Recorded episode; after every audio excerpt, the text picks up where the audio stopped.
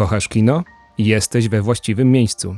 Słuchasz podcastu Nowych Horyzontów, w którym dowiesz się więcej o festiwalach, projektach i wydarzeniach organizowanych przez Stowarzyszenie Nowe Horyzonty. I posłuchasz wiele o najlepszych filmach, oczywiście.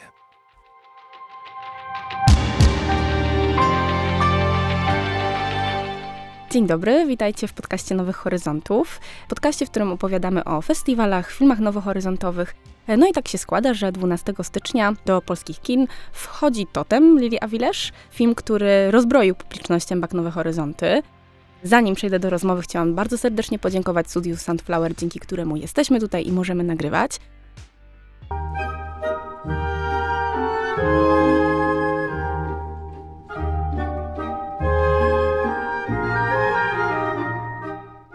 Totem to jest film gęsty od ludzkich postaw, od mechanizmów, od bardzo różnych przejawów radzenia sobie z bardzo trudną sytuacją, więc nie wyobrażam sobie lepszej gościni, która mogłaby dzisiaj w naszym podcaście zagościć, nomen omen. E, Marta Niedźwiecka, psycholożka, prowadząca autorka podcastu e, o zmierzchu. Dzień dobry. Dzień dobry, witaj, witajcie. I, I tak zaczęłam od tego takiego właśnie psychologicznego wstępu, e, ale no, film się nazywa Totem, więc on łączy ze sobą to myślenie magiczne i to myślenie, no właśnie, takie bardzo realistyczne o tym, co się dzieje z ludźmi.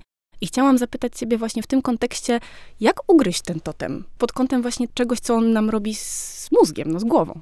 No wiesz co, może ja nie jestem wcale taką dobrą osobą do tej rozmowy, ponieważ ja, najpierw małe wyznanie, ja do kina chodzę po emocje. To znaczy ja bardzo pozwalam sobie na mechanizm identyfikacji projekcyjnej i głębokiego zanurzenia w ten i mnie totem przeciągnął emocjonalnie. Ja dopiero potem, jak go skończyłam oglądać i zaczęłam się oddawać refleksji, co tam się wydarzyło, to dopiero wtedy się zdobyłam na jakiś metapoziom typu właśnie dlaczego to się nazywa totem i w ogóle ale ja, y, jak oglądałam ten film, to wpadłam absolutnie w ten świat.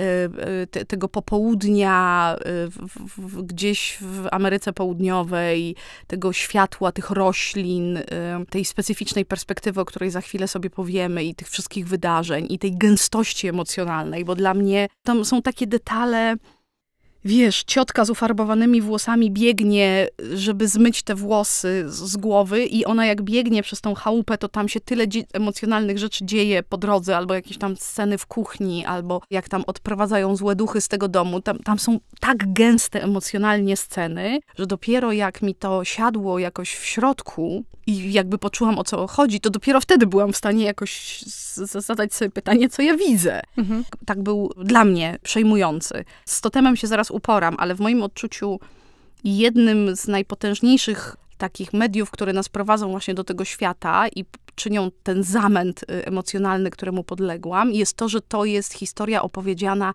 naprawdę oczami dziecka, jakby można było sobie wyobrazić kamerę postawioną na wysokości głowy y, tam nas, małej nastoletniej dziewczyny, to o to chodzi, nie? Że to nie jest duże kino dorosłe, które się chyla nad dzieckiem i wiesz, oko jest z góry, i jest taki gejs, o, co tam te bąbelki robią, tam... Na, na, Najgorszy przypadek kina o dzieciach, jaki tak, tak, być. tak, tak. E, dosyć popularny, umówmy się. Tak. Tylko to jest dziecko i coś takiego jest zachowane w tej, na, w tej opowieści, bo dzieci nie kwestionują rzeczy, w których się znajdują.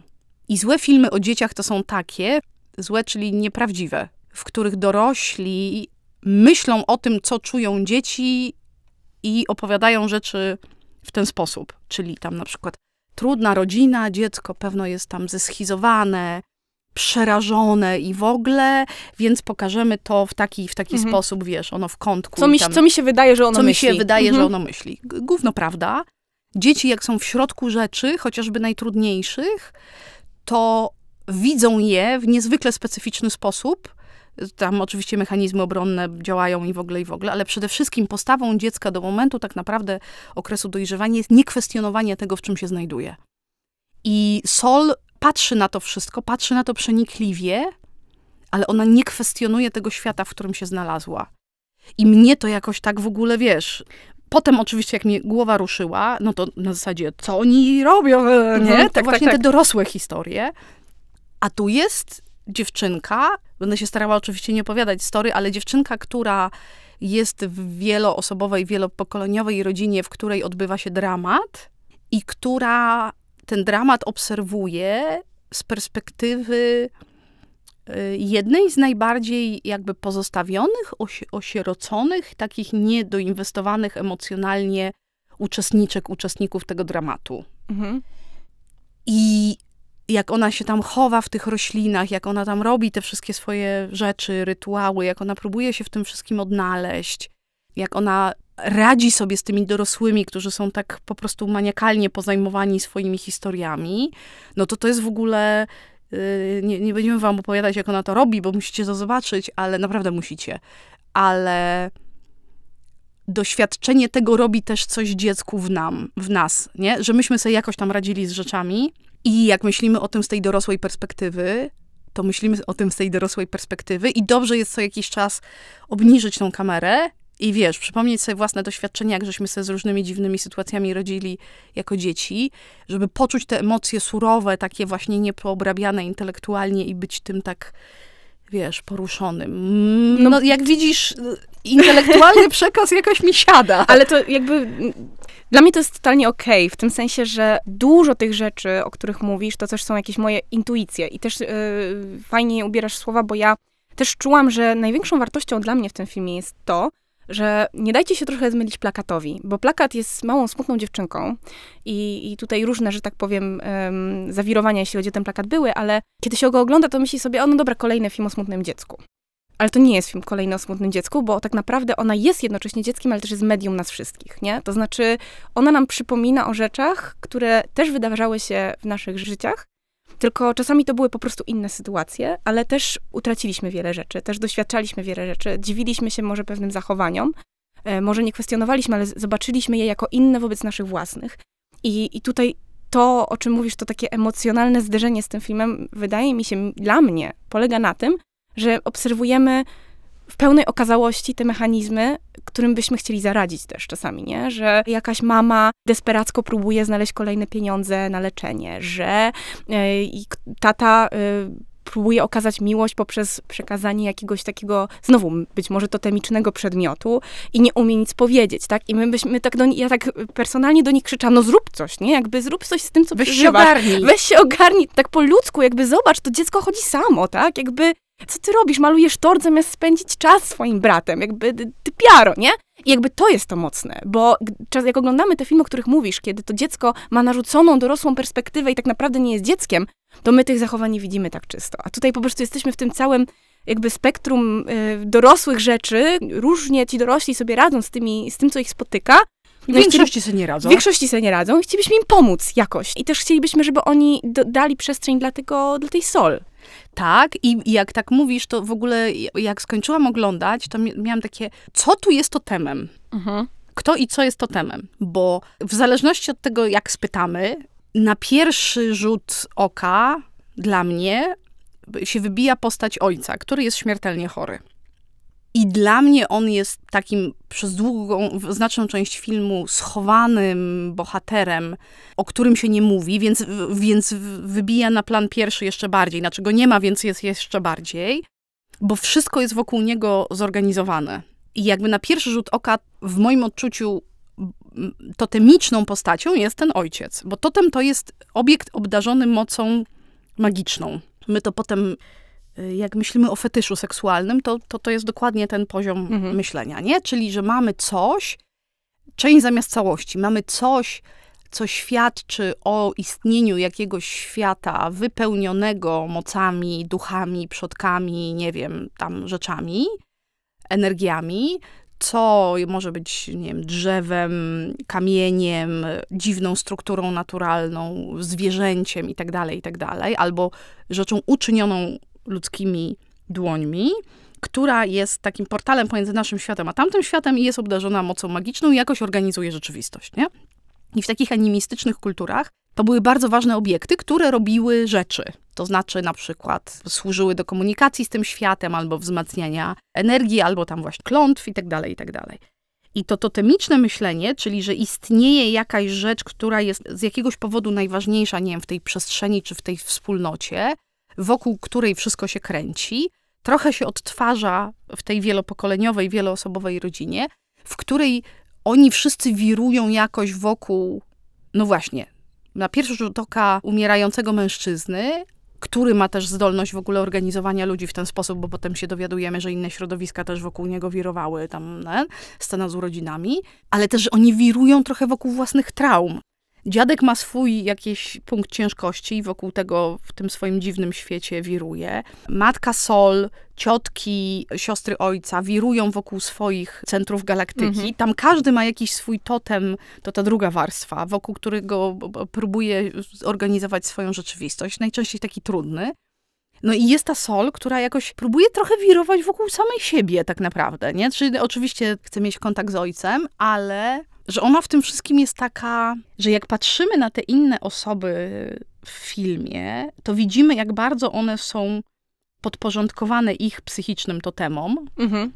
jak bardzo ich fetysze wzięły je w posiadanie, a jak bardzo, mimo że tęskniąca i pragnąca kontaktu z ojcem, ale jednak samoistna i niezależna jest Sol, bo ona jakiś takim jest centrum własnego wszechświata z tymi jej aktywnościami. Tak, no bo też jej matka ucieka w teatr, jej jedna ciotka ucieka w jakby to organizowanie tego przyjęcia, Rzeczy. robienie, tak, Robię rzeczy. Robienie robimy rzeczy, tak. Idę na zakupy, robię tort. Kolejna ciotka skupia się na tym, żeby tam odprawić rytuały i złe duchy od, odgonić z domu, tak? Jakby ojciec e, też właśnie skupia się na pielęgnowaniu tego drzewka bonsai. Jakby, że każdy ma jakąś swoją drogę, z którą próbuje sobie poradzić z tą emocją. A Sol mówi bardzo wprost, ja nie chcę, żeby mój tata umarł. I zadaje telefonowi pytania, kiedy świat się skończy, bo ona po prostu przeżywa. Ona przeżywa to, jak ją to boli, tak? Czyli ona nie robi nic innego. Też jak widzimy, to ona się prawie nie zatapia w inne czynności. Ona po prostu jest, jak to wszystko wokół się jej dzieje. Więc to też jest niesamowite. To, no, to, to teraz jak o tym powiedziałaś, to rzeczywiście to widzę, że ona jest takim świadkiem, przez którego patrzymy i właśnie tak jak mówisz, no to intensywnie na nas działa, nie? To jest w ogóle bardzo ciekawe, bo ja, ja nie chcę strasznie przepsychologizować tego filmu, chociaż on jest dramatem psychologicznym, no i jakby hej, ale jak czasami, wiesz, nie wiem, w podcaście czy w jakichś rozmowach próbuję powiedzieć, co to znaczy być samemu ze sobą, czy samej ze sobą, Mhm. to trochę mam na myśli taką sol. To nie chodzi o to, na ile, co zrobić, że to jest jakaś taka postawa psychiczna, w której ona jest wrażliwa, krucha, to wszystko nią szarpie, ona jest zależna, y, nie może sama podjąć decyzji. Ci dorośli ją przestawiają, w ogóle nie siedź tu, zrób to, w ogóle ten. To, to wcale nie jest o jakiejś takiej niezależności, autonomii, jaką my widzimy z perspektywy naszego białego, dorosłego, zachodniego świata. Jej samoistność jest wewnętrzna. Nie? Mhm. Polega na przykład na tym, co mówisz, że ona staje z rzeczami, jakie są że ona staje ze sobą wobec własnego cierpienia, czy tam te, tego, co się potencjalnie może wydarzyć, trochę tak na surowo, nie? Że to jest jakiś taki stan wewnętrzny, który oni cudownie chwycili, w sensie, myślę o takim wspólnym dziele filmowym, bo to wiesz, i No reżyseria, i muza, i i ta cudowna młoda aktorka, która gra Sol, ale ona jest w ogóle to, jakie ona ma oczy i co, co ona w ogóle ze sobą robi, tam to jest oddzielny czat. Że udało im się chwycić bycie. Mhm. To jest w ogóle odlot. To wcale nie jest, wydaje mi się, w kinie, nie wiem, czy się ze mną zgodzi, że to jest takie łatwe, bo jednak... Nie no, to, to jest Bergman- ekstremalnie Ber- trudne. Bergmanowskie sceny, w którym milcząca para siedzi przy stole przez kilkanaście minut i ym, atmosferę można kroić nożem. Wcale nie są teraz takie łatwe do zrobienia i odbiorcy tego tak łatwo nie ten. No nie- też przede wszystkim, że mamy tego intruza w postaci kamery. No I tak, bardzo no. trudno jest to wyzerować tak, żebyśmy o tym zapomnieli.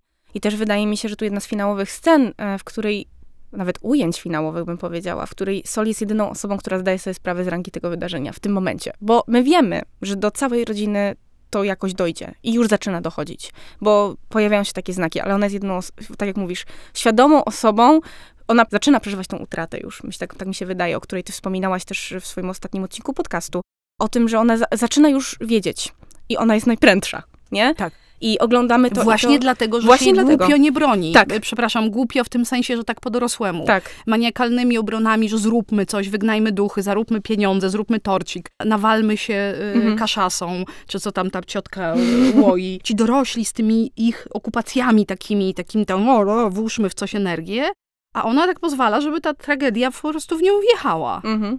Ale Nie? z drugiej strony sobie tak wiesz, myślę sobie też o tym, że te zachowania, które oni robią, one też mają sens. Z, z różnych perspektyw, bo, bo moglibyśmy sobie pomyśleć, no kurczę, no po co oni temu biednemu, schorowanemu człowiekowi robią taką imprezę? No, człowiek po prostu nie umie wyjść z tego swojego pokoju, no jest naprawdę... No jest w strasznym stanie. Jest tak, w strasznym jest... stanie. Ale z drugiej strony my czujemy, że to, to jakoś pozwala im wszystkim zachować jego cząstkę w sposób piękny, w sposób czysty, w sposób, być może my czujemy to podskórnie, że to prawdopodobnie jest ostatnia taka noc, ostatnia taka impreza, ostatni taki moment radości. I oni oczywiście bardzo dużo wypierają. Cała ta rodzina, wszyscy ci znajomi też robią takie bardzo, powiedziałabym, klasyczne, właśnie rytualne przemówienia o tym właśnie, co Tona dla nich znaczył, jak on się zachowywał, opowiadają anegdoty, tak, co on gdzie zrobił. Trochę jakbyśmy już byli na pogrzebie, zauważyłaś, Dokładnie. że to są takie, takie spicze, które się wygłasza. Wygłasza na stypie, e, tak. tak. Tak, i ale wydaje mi się sobie, i teraz jakby pytam ciebie też po prostu o to, czy to też nie, nie ma swojej funkcji po prostu? Ależ ma i, i to też powoduje, że ten film jest niejednoznaczny, bo jakby to było tak, że ci dorośli są tylko głupi, zdezorganizowani i podporządkowani swoim obronom, to to by była nędza, nie? To mhm. nie jest żadne kino i opowiadanie historii, tylko jakaś przepowiastka dydaktyczna, że oni tam wszyscy walczą o jego godność, o swoje uczucia, oni są po jednej wielkiej stracie, która ich zdemolowała, na, na, kolejna strata jest na horyzoncie. Oni są przerażeni, próbują rytuałami jakoś przywrócić porządek albo przynajmniej coś uchwycić, żeby mieć, wiesz, wewnętrznie jakiś punkt odniesienia pod tytułem a wtedy były te urodziny i my wtedy coś tam, zrobić coś dobrego. Są tym, sprawczość chyba też trochę, tak, nie? zachować sprawczość. Są w tym nieporadni. Właśnie każdy tutaj się jakoś uruchamia ale jest ten zbiorowy wysiłek, że oni się szarpią między sobą, a jednak robią to razem, nie? Genialna jest wielopiętrowość tej opowieści, w której jest cała taka ułomność naszych usiłowań, ale też piękno. Oni wszyscy są niesłychanie zaangażowani w to, co się ma wydarzyć. To nie jest formalny zabieg, że oni się umawiają, że będą obchodzili jego urodziny, tylko oni tam, tam próbują jakieś sakrum odtworzyć. Mhm. I w tym sensie on tam jest totemem, że wokół niego jest jakaś przestrzeń sakralna. Zapraszają jego przyjaciół, próbują tak trochę jego życie mu przed oczami wyświetlić. Chcą dobrze, wychodzi być może nie idealnie, ale to znowu to jest nasze myślenie z zewnątrz, które obserwuje to z tej pozycji zdystansowanej i widzimy te wszystkie teoretyczne niedostatki. Natomiast dla nich to jest ocalenie czegoś i możliwość wspólnego przeprowadzenia się przez stratę, która oni wiedzą, że, że znowu ich, wiesz, zdemoluje, tak jak strata matki ich zdemolowała i, i naznaczyła. I że właśnie nie, genialna jest niejednoznaczność y, i nietrywialność y, tej konstrukcji świat sol versus świat dorosłych, że to nie jest takie dydaktyczne, że tutaj właśnie wrażliwa dziewczynka, która rysuje i bawi się w teatr i śpiewa i głaszcze roślinki i znajduje tam zwierzaczki mhm. i ona jest fajna, versus źli dorośli, którzy coś tam, że oni tam wszyscy jakoś coś próbują sobie jakoś z, tym, z tą sytuacją poradzić i jakoś z, z samymi sobą w tym wszystkim. No i to, to też jest, jest bardzo emocjonujące, nie? Że tak. jak patrzysz na tą pijącą ciotkę, która ma małą dziewczynkę i myślisz sobie, dobra, głowa myśli, Boże, matka alkoholiczka, ten i widzisz cierpienie tej kobiety i ten taki po prostu jak ona piecze to pierwsze ciasto i ono się, się spala. Nie, spala. Mhm. Tam jest takie ujęcie z boku na nią i jej twarz tężeje. To jest mhm. takie dwie sekundy, że wiesz, widzisz, że właśnie się wyjebały na ryj te nadzieje i że ona resztką sił po, się podciąga znowu na jakiś taki poziom zero, żeby zrobić następne ciasto, bo jak nie zrobi, to chyba się rozpadnie. Mhm. I to jest też moim zdaniem też magia tego e, trochę dokumentalnego trybu, w jakim ten film jest nakręcony, że jednak mamy dokładnie te uczucia, o których mówisz, czyli że chcielibyśmy nimi wstrząsnąć, widzimy z wyższością czasem na nich, mówi, no ja bym no, się tak nie no, zachował, no, nie, no, wiadomo, no. ale jakby potem sobie myślimy o tych wszystkich imprezach, wigiliach i, i po prostu y, myciach okna dla Jezuska, podczas których wszyscy się wkurzają na siebie i nie wiem, mama, która narzeka, że obrus jest nie dość wyprasowany, a łóżka nie tak sklejone. Jakby z perspektywy codziennej wiemy, że to są trywialne rzeczy, że to są trywialne, ale które są bardzo ważne w tym momencie, że każda osoba ma rzeczy, na których jej zależy, że poprzez to pokazuje wiem, miłość, zaangażowanie, przywiązanie, właśnie troskę o rodzinę i tak dalej. I nikt nie jest poza tym, mhm. nie? Nikt mhm. poza tym nie jest i kiedy oglądamy tą rodzinę, to właśnie to jest tak wiarygodne. To jest tak wiarygodne, że my czujemy jednocześnie, że każdy z nas dokładnie te zachowania powtarza i one nie są ok, ale to jest normalne, że one się wydarzają i jednocześnie widzimy też, że ci ludzie spinają się całymi sobą, żeby zrobić to jak najlepiej, jak mogą. Może nawet, wiesz co, że one bywają nie okej, okay, ale czasami bywają okej, okay, w tym sensie, że bardzo zależy od tego, czego oczekujemy. Bo mhm. ja sobie myślę o takiej sytuacji. Zrobię taką wycieczkę gabinetową, żeby coś pokazać.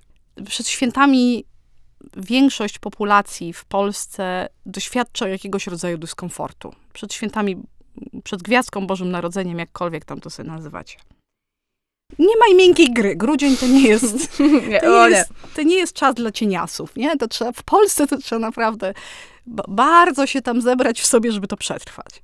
I tam jest mnóstwo przeciążeń związanych z tym, że matka gotująca ten bigos i robiąca tego karpia, to jest na przykład matka, która nam czegoś nie dała, ale dawała tego karpia, nie? Albo myła te okna, a na nas nie zwracała uwagi, albo tam ojciec, albo coś tam.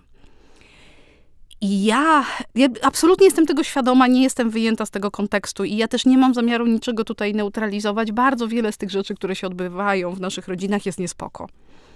Ale czasami ludziom, z którymi pracuję, proponuję taki eksperyment umysłowy, albo czasami nawet realistyczny eksperyment wcieleniowy, żeby oni sobie poszli do kogoś w okresie świąt, nie w Wigilię to wiadomo rodzinnie, ale tam w drugi dzień świąt, i zobaczyli, czy to jak ktoś jest w parze, to też bardzo dobrze widać, czy to, co robią rodzice osoby partnerskiej, pieni cię tak samo, jak pieni osobę partnerską? Bo zazwyczaj to jest tak, że patrzymy na takich tam, w cudzysłów, teściów, czy po prostu matkę naszej przyjaciółki, która się nam uwija nad tym makowcem i robi rzeczy. I mamy jakiś rodzaj wzrusza, nie? Mhm. Ojej, ona się tak stara, niektóre rzeczy są na, nie, naprawdę nie działają. Ten, nasza przyjaciółka, czy nasza druga połowa, jakkolwiek osoba ważna dla nas, dostaje piany, nie? Bo tam pracują te niespełnione oczekiwania. I to poczucie, że ten karp jest zamiast czegoś, a tu ważne rzeczy się nie odbywają, nie? A my na to patrzymy i mówimy, Boże, karp jest i w ogóle, i że tak naprawdę to ten, ta osoba się tak stara i, i trochę wychodzi z siebie. I to jest dobre ćwiczenie na poluzowanie po prostu zacisku dupy. Mhm. Bo my żyjemy w bardzo nieidealnych układach rodzinnych, nie? One oczywiście można robić rzeczy, żeby one były lepsze, ale one będą nieidealne. I że część ciężaru, który nosimy, wynika z tego, że właśnie nie chcemy być jak Sol, mhm. wracam do filmu, że nie pozwalamy sobie zluzować odrobinę naszej oceny tej sytuacji że poszukujemy jakiegoś, tak, o jak mam wrażenie, część z nas będzie miała tą reakcję, że patrząc na, na film Totem, będziemy chcieli dyscyplinować tych dorosłych, żeby oni byli jacyś lepsi, nie? Tak. Że to będzie pracowało w naszej głowie. Że zobaczcie, że to w nas działa. My chcemy doprowadzić ten świat do jakiegoś takiego idealnego czegoś, a on jest trochę kulawy. I jakiś taki rodzaj spokojnej zgody na to, że on jest kulawy, ja, ja wiem, to jest naprawdę bardzo ciężkie, szczególnie wokół świąt własnych rodziców, rodzeństwa i tak dalej. Troszeczkę takiej zgody, że on jest kulawy. To jest trochę jak spojrzenie na tych dorosłych w tym filmie i danie im takiego prawa, żeby oni tak się uwijali wokół tych głupot, które my widzimy, że są głupotami, no bo to mogą zrobić, nie? Bo to się po prostu da zrobić na tą chwilę. Wiadomo, że można by w idealnym, wyimaginowanym świecie do tej rodziny wprowadzić jakiegoś mediatora rodzinnego mhm. czy psychologa, posadzić wszystkich przy stole, kazać im rozmawiać, dać im skrypt do e, NVC, e, kazać widzieć dzieci, wiesz, no nie? Można tak wszystko. mnóstwo tych korekcyjnych... I przez to nie zająć się sobą, bo oczywiście zajmiemy oczywiście, się nimi, nie? tak, fantazji. A tu jesteśmy skonfrontowani z własnym przeżywaniem.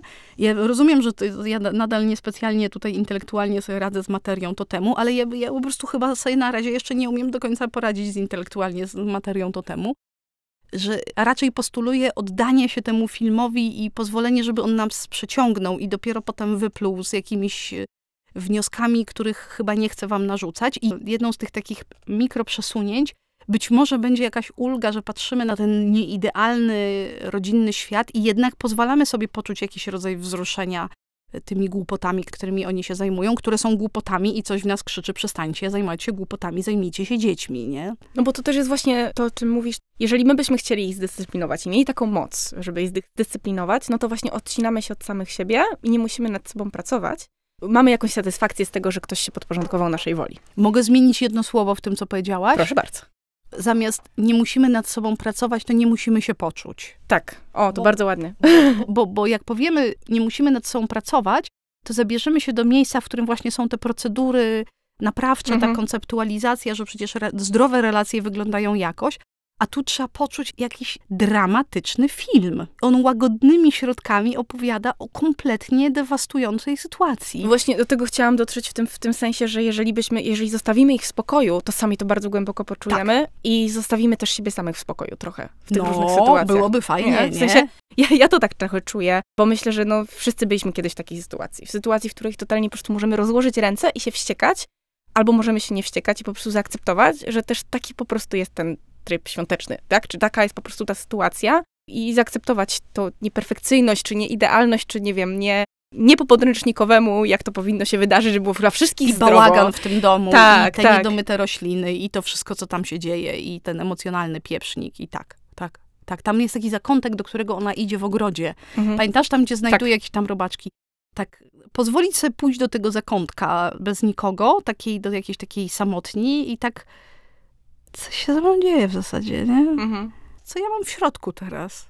Rzeczywiście. No i wydaje mi się, że też to pozwoli jakby przetrwać właśnie temu trochę totemicznemu myśleniu, które jest dla nas ważne, tak? Czyli właśnie zabrać ze sobą tego ojca tym, co przeżyliśmy, a nie w tym do końca też, jaki on, nie tylko w tym, jaki on był. To znaczy, tutaj wracam do tego, o czym chciałam też troszkę nawiązać, czyli o tym, czy warto pielęgnować w sobie poprzez rytuał, czyli poprzez odczuwanie, no bo rytuał ma też tą, tą moc, że my odczuwamy na nowo. To nie jest tylko odtwarzanie, to jest przeżywanie ciągle na nowo czy powinniśmy to robić, tak? Czyli właśnie odtwarzać pewne rzeczy, które odeszły wraz ze zmarłym. Czy powinniśmy, no bo tak y, zastanawiam się w kontekście znowu twojego odcinka o utracie, tak? Czyli czy powinniśmy pamiętać o niektórych rzeczach, odtwarzać, pielęgnować? Czy one pomagają, czy przeszkadzają?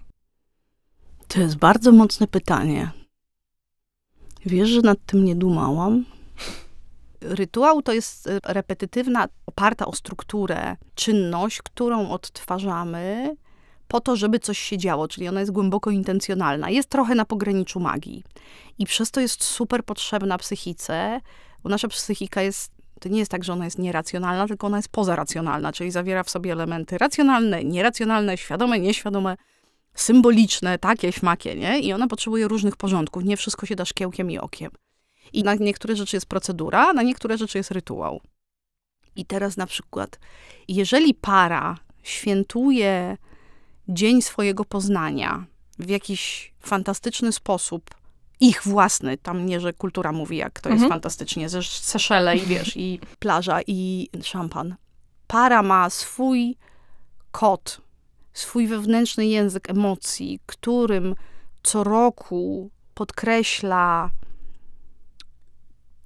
17 maja, tam nie wiem, 19 stycznia, ten moment, w którym się poznali, albo w którym coś się dla nich wydarzyło, albo w którym zdecydowali, że będą razem, to to ponawiane i co roku nasycane treścią będzie dla nich ramą, która będzie wzmacniała ich relacje i ją pogłębiała. Będzie dobrym totemem.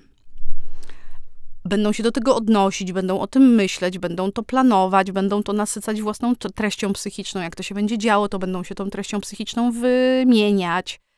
Powstanie pewien rodzaj ciągłości w ramach tej relacji, bo to, to my relacyjne też ma jakąś swoją tożsamość. Yy, yy, Jak mówię niezrozumiale, to mi... To Nie mi wszystko do- kumam. Czy to jest dobrze? Bardzo dobrze, nie? Ale jeżeli ta, ta para się rozpada i którejś z nich z uporem godnym lepszej sprawy odtwarza 17 maja jako fundamentalny moment życia i nie jest w stanie opuścić tego miejsca i krąży wokół tego totemu i jest tam nanizane coraz więcej frustracji, nienawiści, jakichś antagonizmów, takiego y, i żalu, i rozpaczy, ale też y, takiej próby przytrzymania czegoś, co nieuchronnie należy do przeszłości, to to jest zły totem. Mhm. I rytuał, który tak naprawdę będzie taki demoniczny w znaczeniu, hmm, że będzie wysysał energię, znaczy tam będzie wkładana energia, ale, ona, ale to będzie taki obrót, który będzie niszczył, który będzie uniemożliwiał pójście dalej, który będzie no właśnie tym takim e, zawłaszczeniem obiektu miłości po to, żeby ta miłość nie umarła. Mhm. I o ile rzadziej się skupiamy na tych dobrych totemach, takie mam ogólną taką obserwację, o tyle dużo częściej lubimy sobie poprzytrzymywać te złe totemy. Taki, taki wiesz, taki jakiś taki zajadły symbol czegoś, żeby nam tam nie puściło i w ogóle. Um, jak szukanie imienia swojego byłego, e, wszędzie, gdzie się wydarzy. Na, na przykład, przykład na przykład. Um, albo na przykład nieznoszenie jakiejś rzeczy, która była jego pasją, takie, mm -hmm. takie przedłużone i że my, my, mamy święto zmarłych, które to jest kulturowo wielkie bogactwo, które oczywiście, no wiadomo, bywa zagospodarowane na różny sposób, ale święto zmarłych z zasady to jest taki moment w roku, w którym my moglibyśmy robić dziady, mhm. gadać ze wszystkim, e, co stracone. Czy to będzie, wiesz, e, osoba ludzka, nieludzka, fragment naszego życia, tożsamości, nie wiem, zdrowie, cokolwiek, nie? Żeby móc wchodzić z tym w jakąś aktywną, emocjonalną relację, ale jednocześnie, że to jest jeden dzień, czy tam dwa dni, powiedzmy, z zaduszkami, który jest dedykowany tego typu zadumie, jakimś tam, nie wiem, osobistym rytuałom, bo te instytucjonalne nam się wyczerpują, takiemu swojemu dedykowaniu do tematu, ale potem on się kończy, wiesz, i jest 4 listopada mhm. i 10 listopada i wracamy do swojego życia. Tak, to ciekawe, że o tym mówisz, bo dokładnie o takich jakby rytuałach sobie też pomyślałam, tak? Jakby z mojego domu wyniosłam zawsze, jestem ze Śląska, i z mojego domu wyniosłam zawsze po pierwsze pewien cykl odwiedzenia cmentarzy w kolejnych miastach, pewną, nie wiem, pogodę, która towarzyszy konkretnemu momentowi, i na przykład to, że ostatecznie zawsze jeździliśmy do mojej cioci, też już nieżyjącej, i tam jedliśmy bigos albo fasolkę. Albo I pańską skórkę przed cmentarzem. Na przykład, tak jest. I potem żeśmy y, rozmawiali o, jakby o tych ludziach, u których groby odwiedziliśmy.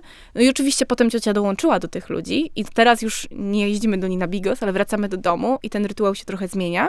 I ja czuję, że on jest bardzo, bardzo y, wzmacniający. To znaczy, że po, pozwala pamiętać, pozwala jakoś taką ciągłość rodzinną utrzymać, y, pozwala się zjednoczyć w tej pamięci. Nie wiem, też myślę sobie o takich momentach, w których, nie wiem, odtwarzamy przepis cioci, babci, chcemy, żeby smakowała. Jest w tym też trochę magii, tak? Bo ty to o, ta fasolka, którą ty robiłaś, no to najlepsza, nie? Jakby nie wiadomo czemu, bo my ją możemy odtworzyć, ale jakoś z jakiegoś powodu ta fasolka magiczna, odtwarzanie. To są dobre rytuały. Tak mi się wydaje. Ale właśnie to, co mówisz, one chyba muszą mieć po prostu datę ważności, nie? To znaczy, one mają chyba I tą zgodę czas, na to, nie? że, że jednak ta istota, ludzka, o, pozaludzka tak. rzecz, y, proces, cokolwiek, odeszło. Tak. Nie? Że to jest kultywowanie, a nie wskrzeszanie. Mhm.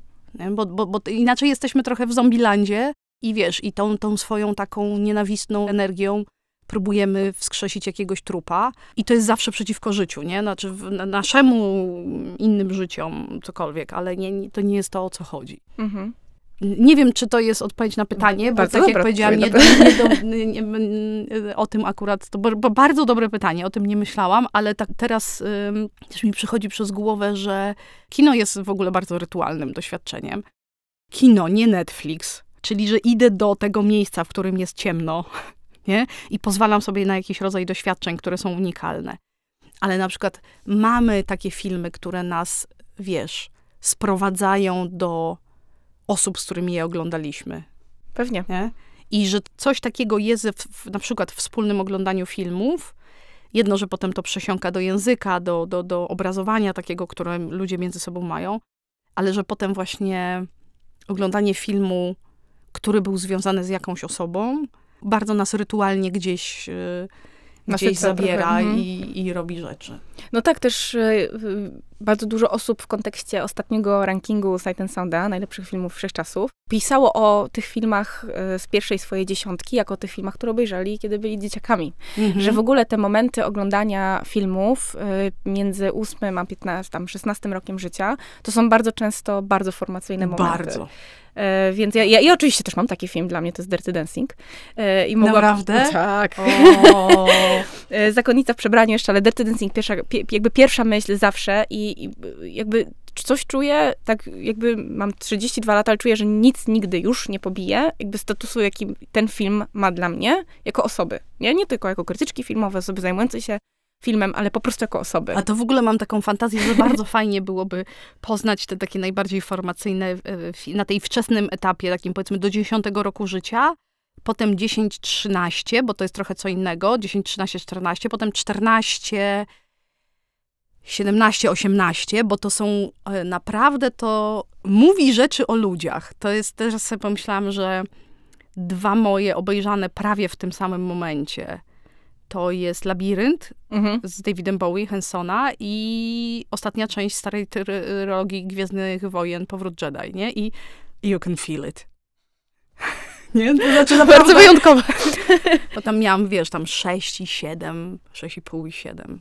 Ale ja też, ja też byłam dosyć młoda, kiedy oglądałam ostatnią część Gwiezdnych Wojen i do tej pory darzę ją wielkim sentymentem. Tak. W sensie nieważne, kto co powie o Ewokach, Nie, to sorry, na ale zawsze nie. w moim Znaczy, sercu. nie. Nie będziemy dyskutowały nad skutecznością ełoków. To jest naj, jedna z najważniejszych rzeczy na świecie. Koniec, nie? To Tak jest. Krytyka filmowa, proszę tam. Ale to jest trochę znowu powrót do tego, co mówiłaś, czyli jakby ja nie kwestionuję tego, co tam się dzieje, po prostu to biorę i mnie to cieszy. Tak, tak, nie? tak, to w ogóle to jest baśń, znaczy mit y, i to nie jest, ten, albo się w to zanurzasz, albo idź se krytykuj gdzie indziej. Do widzenia. To, jest, to nie jest o filmie, to jest o doświadczeniu wewnętrznym. Mhm, tak, tak, tak. tak, tak. Ale też, y, wiesz co, chciałam jeszcze wrócić do tego wątku utraty i kiedy ta utrata się jeszcze dzieje, czy jest procesowana, bo to też jest ten moment, w którym jest ta rodzina w totemie, no jest właściwie kluczowy. On, jakby my wiemy, że tata nie decyduje się na leczenie, że decyduje się po prostu peacefully albo mniej peacefully odejść. No i że ta rodzina no już bardzo jest przy końcu, nie? Oni wszyscy wiedzą, że to już jest ten. No i ten moment, w którym jakby co my możemy zrobić w tym momencie? Czy po prostu co jest lepsze dla nas? Dać się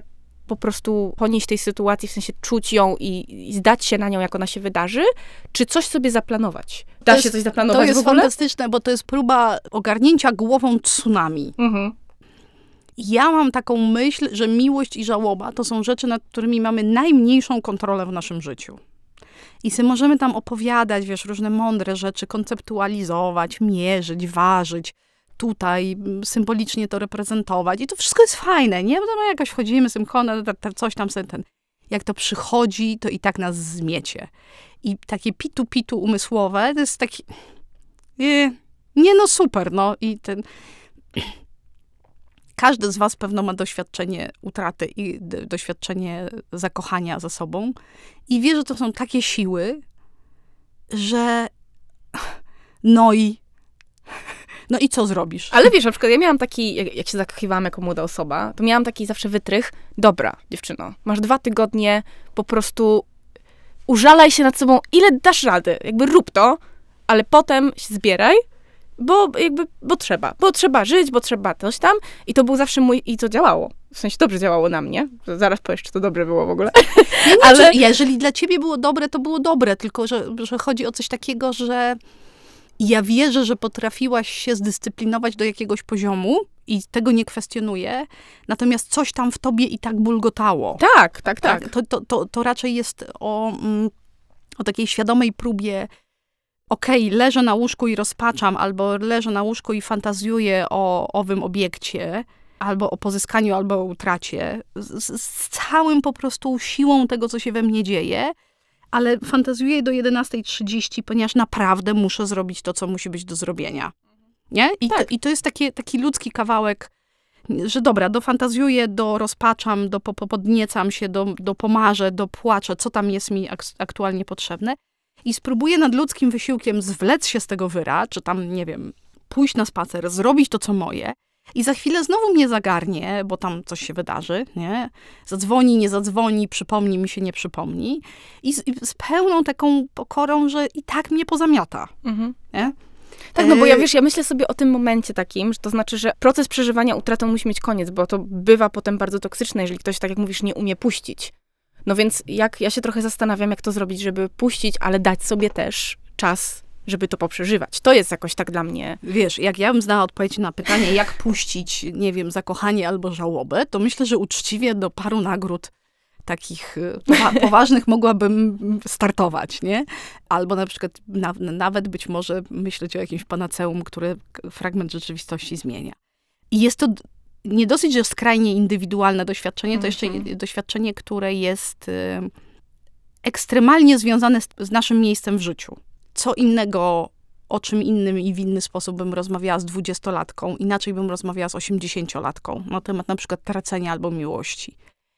I tu tak bardzo nie ma recepty, że nawet bym zaryzykowała coś takiego, że jak ktoś wam je próbuje dawać, to znaczy, że was oszukuje, że próbuje zab- zabrać was do jakiejś narracji, w której są zasady, a, a oczywiście mamy model y, żałoby y, Kubler-Ross, który został wielokrotnie zresztą wywrócony na nicę, na zasadzie, że wiemy, że co prawda te elementy się zdarzają z różnym natężeniem, ale w różnym szyku i niektórzy nie przechodzą niektórych, a niektórzy przechodzą jeszcze inne. Jak nie? baśnie propa. Tak, tak, tak, tak, tak. Model baśni magicznej, dokładnie. Nie? Y, Co do zasady wiemy, że w ramach miłości dzieje się to, to, to, to, to i w ogóle, ale im dłużej na przykład, wiesz, się uczę i zgłębiam różne historie, tym bardziej mi się wydaje, że to, jak przy okazji miłości i żałoby wyłazi z nas nieświadome, indywidualne i zbiorowe, to jest jakiś w ogóle... To ja, ja jeszcze chyba nawet nie do końca potrafię o tym opowiedzieć Mhm. Że to jest taki gateway, taki portal do, do warstwy, z którą my normalnie nie mamy kontaktu, która gdzieś właśnie wyłazi w kinie, w śnie, w wizji, wiesz, w doświadczeniu psychodelicznym, w transie, nie? Żeby to... I nagle... To jest, to jest w ogóle hu- huragan, to jest pięk, piękne i katastroficzne Tak, jednocześnie, no nie? minozum, nie? Gro, Mhm. Groźne, straszne, piękne. I ja mówię o takich, takich na, na, naprawdę przeciągających, nie tam, że tam, wiesz, posmucimy się, albo tam się pobujamy, w kimś powzdychamy i przychodzi nam, nas, nam po prostu dlatego, że przychodzi, tylko o takich egzystencjalnych doświadczeniach, nie? Tracimy bardzo ważną osobę, albo właśnie zakochujemy się, w, w, zaczyna się miłość do bardzo ważnej osoby w naszym życiu. Że to jest taki, to jest taka tajemnica, w której oczywiście mamy opisane warunki brzegowe, wiemy, co się, wiesz, neurologicznie dzieje, dzieje z naszym mózgiem, ale co to z nami zrobi, gdzie nam pęknie, gdzie nam wybuchnie, gdzie nam się wleje, gdzie nam ubędzie, gdzie ten... Nie wiemy. Ale wiesz, mów- mówisz ciągle o tym, jak nas ten totem przeczołguje. I od razu y, jakby przychodzi w mi piękny głowy... i straszny sposób, bo to przeczołganie Tak. to jest też... No jak jesteśmy zakochani, to jesteśmy przeczołgani, ale z drugiej strony to jest coś, czego pragniemy najbardziej na świecie, nie? No I od to- razu, wiesz, mi się przypomina ta scena, kiedy ta ym, ciocia chce iść do sklepu i ta jej mała córeczka, no to będę taka, taka śliczna dziewczynka i jak ona się trzyma tej jej nogi, a ta matka tak idzie, uwieszona z tym dzieckiem. Myślę sobie, że to jest piękna metafora też po prostu tego, bo jest im, im miłość, pewna jakaś, no to desperacja, jest, y, jest no oczywiście to kwestia pusz, puszczenia relacji mamy z córką, nie? Ale jakby rzeczywiście, no to jest taki film, tak? Że on ma w ogóle też bardzo prostymi gęs... Bo chcę wrócić też trochę do tego no tak, naszego no tak, totemu. Mówimy o totemie, O, tak. Mówimy dalej, dalej o totemie, bo tam jest bardzo dużo w ogóle takich momentów autentycznego połączenia e, i autentycznych takich filmowo odegranych bardzo fajnych rzeczy. I, i to jest właśnie między innymi ten moment, to jest ten moment e, otwierający film, czyli mama, która która już nie może wytrzymać i sika do umywalki razem z córką. I córka się pa... I to jest w ogóle taki moment, ktoś o tym opowiada, no co się dzieje w ogóle, matka do umywalki sika, co to jest Patryk Wega?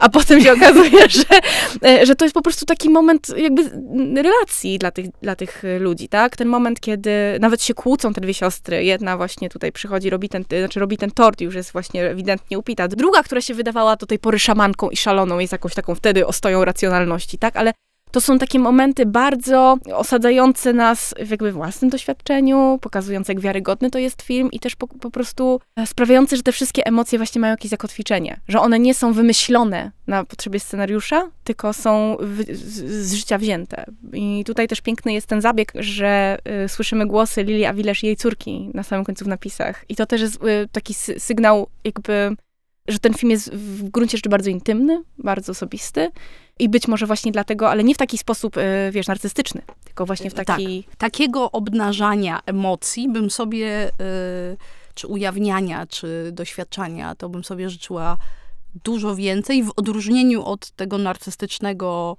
y, lotu, którym jest, nie wiem, z którym są social media, czy wiesz, ten, ten zespół obrazów i, Mhm. i słów i opowieści, nie? Że to jest taki, roz... no, no, jest kawał dobrego kina i bardzo potężna opowieść.